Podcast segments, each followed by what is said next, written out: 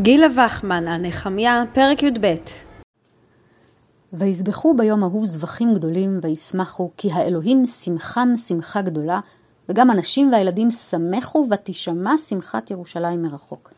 חמש פעמים חוזר השורש שמוח בפסוק זה, ופעמיים נוספות בפסוקים כ"ז ומ"ד. האמנם נועדו החזרות הללו להמחיש את גודל השמחה בחנוכת חומת ירושלים? אחד הכללים המפורסמים בכתיבה ספרותית הוא הראה, אל תאמר, show, don't tell. במקום לחזור על השורש שמוח ולהוסיף לו תארים מעצימים, מוטב לתאר את האירוע כך שהקורא יחוש שמחה בעצמו, מבלי שהדבר ייאמר במפורש.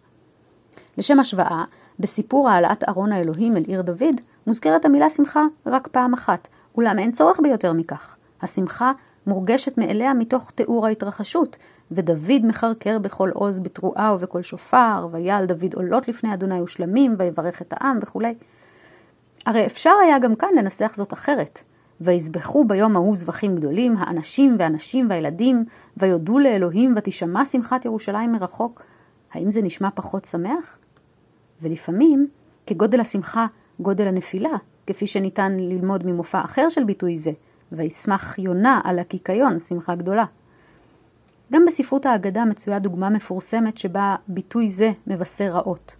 מעשה ברבי שמעון בן אלעזר שבא ממגדל גדור והיה רוכב על שפת הים, והיה שמח שמחה גדולה, מפני שלמד תורה הרבה. הסיפור מופיע בתלמוד הבבלי במסכת תענית דף כ עמוד א'. בהמשך פוגש רבי שמעון באדם מכוער ושואל אותו שמא כל בני עירך מכוערים כמוך, והוא נענה, אמור לאומן שעשאני כמה מכוער כלי זה שעשית.